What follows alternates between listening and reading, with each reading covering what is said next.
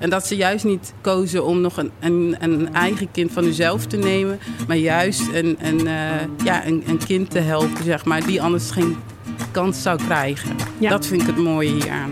Op de laatste dag van Utrechts Plekkie ontvangt Karine de Graaf schrijver, dichter en pleegkind Lily Monori.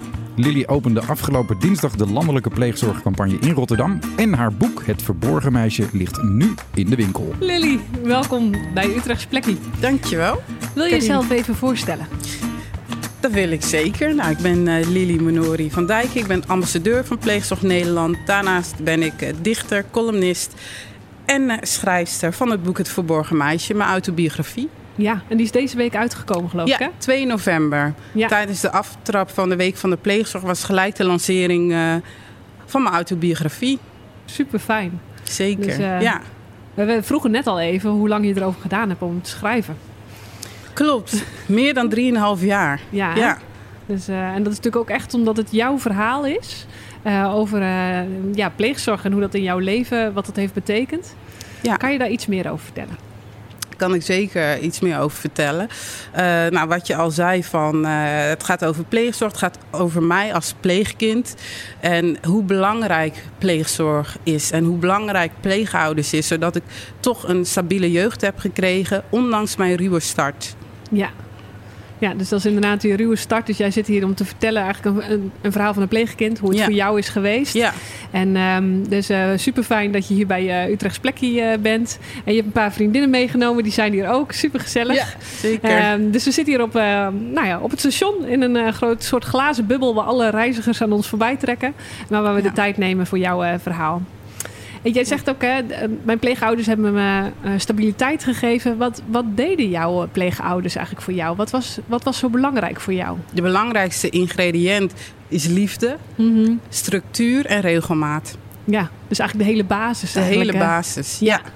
Dus, eh, en weet je, wat, wat was daarin, eh, toen jij net bij een pleeggezin kwam, Ja. hoe was die beginperiode? Die beginperiode was eventjes eh, wennen. Eh, omdat ik eh, helemaal geen regels gewend was. En dan kom je in een nieuw gezin en dan moet je aan regels houden. Ehm, en dat was wel eventjes wennen. Om ook te hechten aan, Ja. het, aan het gezin. Ja. Ja. En voor jouw eh, pleegouders, hoe was dat voor hun die periode? Want dat is ook altijd waar, ehm, als ik nu vertel aan mensen die nadenken om pleegouder te worden, misschien dan is die eerste periode ook altijd een beetje spannend. Ehm, wat zou je tegen hun willen zeggen? Wat is voor. De eerste periode is sowieso spannend. En als je overweegt om een pleegkind te nemen, dan eh, kan ik mensen wel adviseren om net zoals mijn moeder gewoon een jaar lang vrij te nemen en echt ruimte te hebben eh, en aandacht aan het kind te geven. Ja, dus echt om tijd te hebben met elkaar. Ja. Dat is inderdaad. eh, ja. Ja, dat klopt. Dat is, eh, dat is super belangrijk. En super bijzonder dat jouw moeder daar heel jaar voor heeft genomen. Ja. Dat lukt niet altijd. Nee, nee, en dat, dat is, het ik. kan ook echt met minder, maar het is wel ja, dat er tijd en ruimte voor nodig is, dat weten we zeker. Ja. Heb jij misschien een stukje wat je uit je boek zou willen voorlezen? Wat hier ook eh, misschien wel past bij die beginperiode? Of ehm, wat had je Ja, in gedachten? Ja, heb ik. Ga ik even, even opzoeken.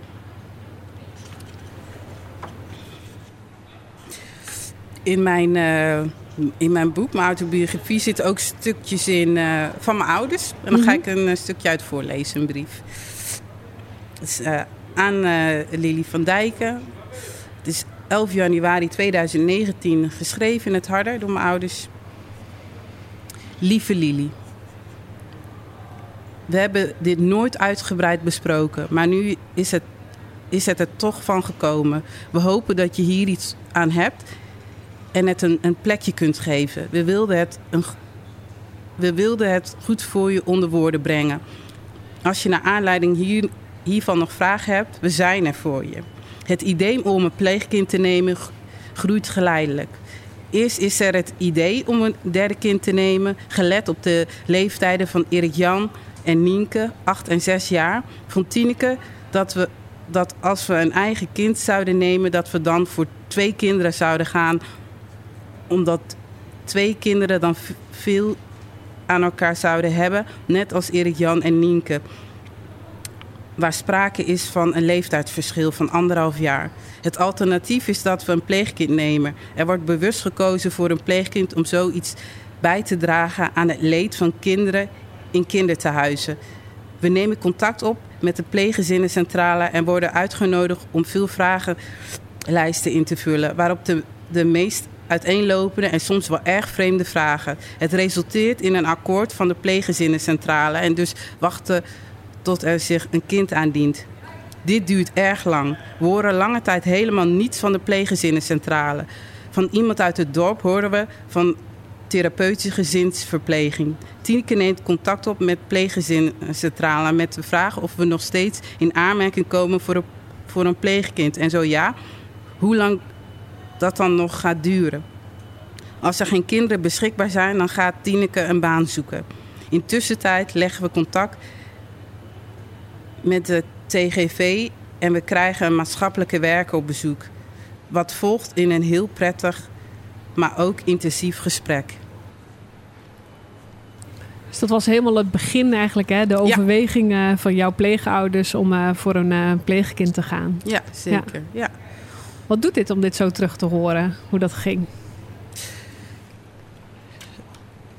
Ja, wat het eigenlijk doet van... Um, ik word er ook wel blij van, omdat mijn ouders wel gingen volhouden. Het Mhm. ging in, uh, niet snel genoeg, dus keken ze naar een andere alternatief.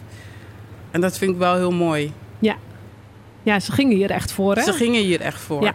En dat ze juist niet kozen om nog een, een, een eigen kind van hunzelf te nemen, maar juist een, een, uh, ja, een, een kind te helpen, zeg maar, die anders geen kans zou krijgen. Ja. Dat vind ik het mooie hieraan. Ja, en dat is inderdaad ook wat veel uh, mensen ook aanspreekt om Ja. ook, uh, te starten en na te denken over pleegzorg. Hè? Ja. Dus dat ze van, uh, van betekenis willen zijn, van Ja. waarde willen zijn. En ehm, dat zijn jouw pleegouders ook voor jou. Ehm, kan je daar nog wat, ja, wat heeft het jou gebracht dat, dat jij bij deze pleegouders kon opgroeien, bij jouw pleegouders? Dat heeft me gebracht tot de persoon die ik nu ben en die nu voor je zit. Ja, ze zit hier te glimmen. Ja. dat zien jullie niet, maar dat is wel zo. Ja. Dus uh, ja, en ook echt uh, trots hè, dat je je boeken zo hebt kunnen lanceren. En uh, um, nou ja, wij gaan hem hier in ieder geval bestellen, ook om daarin wat te lezen. Um, je bent ook, dat zei je aan het begin, helemaal ambassadeur geworden van Pleegzorg Nederland. Ja. Want dat is dan nog, je, je hebt je boek geschreven over je eigen verhaal. Um, maar je wilt nog een ambitie verder door uh, ambassadeur te zijn. Waar, waarom ben je daar ambassadeur voor geworden? Omdat ik andere pleegkinderen wil inspireren, uh, maar ook pleegouders. Hmm. Dat Ja. maakt het voor mij compleet. Ja, dus dat je Ja. eigenlijk daarin ook weer, uh, ja, gewoon wat jij ook, wat belangrijk is geweest voor jou, ook weer verder wil Ja. brengen. Daarin, dat zeker. dat verder mag gaan. Ja. Mooi. Hoe zijn de reacties tot nu toe? De reacties zijn uh, um, ja, super positief. Zowel als dat ik ambassadeur ben, zowel uh, met mijn boek. Ja. ja. Mooi. Ja, want je bent druk ook geweest met de campagne voor Groen Licht voor Pleegzorg Nederland. Om daar ook uh, goed vorm aan te geven. Ja, klopt. Ja. En je had ook nog gedichten. Ja. Wat heb je nog voor ons? Ik heb een uh, gedicht en die heet Open je wereld nu. Op zoek om dat ene kind uit de schaduw te halen en in het volle zonlicht te plaatsen. Om liefde te geven die het zo hard nodig heeft. Paparazzen komen voorbij, een stapel formulieren op je bureau, ingevuld en wachtend op verzending naar liefde en geluk. Barmhartig open je je hart voor dat ene kind dat het zo nodig heeft. Inspectie komt over de vloer. Jeugdzorg aan de deur, nog meer papieren, formulieren die een brug vormen naar een nieuw geluk. Je wilt zo graag je liefde geven, de deuren wagenwijd opengooien, die nu nog gesloten zijn. Je zoekt de sleutel die ze opent, zoals je jouw hart opent voor dat kind. Dat zoekt naar jou, naar jouw gezin. Hunkert naar bescherming, geborgenheid, warmte, liefde en geluk. Het kind wil thuiskomen, samen wachten op groen licht. Mooi. Dankjewel. Alsjeblieft. Dus, uh, ja, en ook zo groen licht voor Utrechtse plekjes. Zoals we in Utrecht ook echt plekjes willen zoeken voor uh, kinderen die het nodig hebben. En dat we die ook in de buurt uh, van de gezinnen zouden kunnen plaatsen. Ja. Maar dat ze daar ook wat meer stabiliteit kunnen vinden. En ook de ouders ook ondersteuning bij hun opvoeding. Ja, ja zeker. Mooi. Dank je. Um, je noemde net ook in het gesprek dat je het belangrijk vindt om uh, een inspiratiebron te zijn voor pleegkinderen. Hè? Ja. Wa waarom vind je dat zo belangrijk? Ik vind het belangrijk uh, dat ze um, weten dat ze er mogen zijn. Mhm. Uh, omdat ik dat zelf ook een, een, tijdje had, dat het pleegkind, dat noem ik dus niet, dat benoemde ik niet. Omdat als je pleegkind zijn, dan hangt er altijd iets verdrietigs achter. En dat wilde ik ook niet openbreken. Um, en je voelt je wel anders. Hmm. Ja. Anders in de zin van uh, je minder voelen. Uh, er is altijd iets speciaals omheen.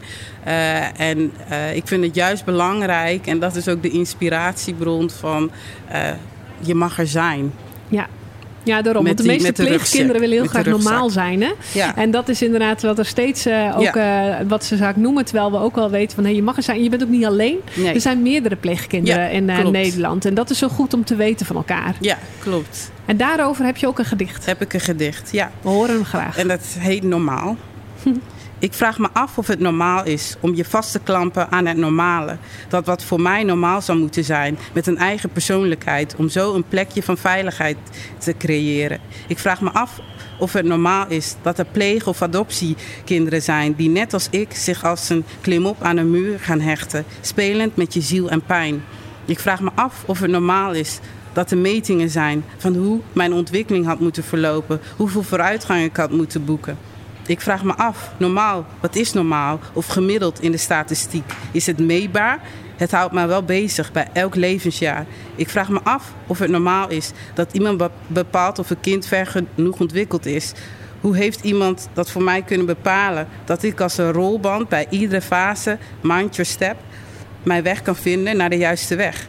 Ik vraag me af of het normaal is een spartelende vis te zijn geweest die soms zijn vinnen verloor, maar toch voer kreeg, de kracht om te zwemmen naar open water. Ik vraag me af, is dit normaal dat je als een inspecteur blijft zoeken met een vergrootglas van verleden naar heden? Ik vraag me af, wat is niet normaal als normaal de norm is? Mooi. Dankjewel, Lily. Alsjeblieft. Super fijn dat je hier bent bij Utrechts Plekkie. En we hopen op heel veel Utrechtse plekkies. Zonder dat heel bijzonder te maken, maar dat het eigenlijk normaal mag zijn voor kinderen. Dat ze gewoon normaal mogen opgroeien. eh, met de steun die ieder maar nodig heeft. Daar sluit ik me bij aan, Karin. Wil je meer weten over pleegzorg in Utrecht? Kijk dan op utrechtsplekkie.nl.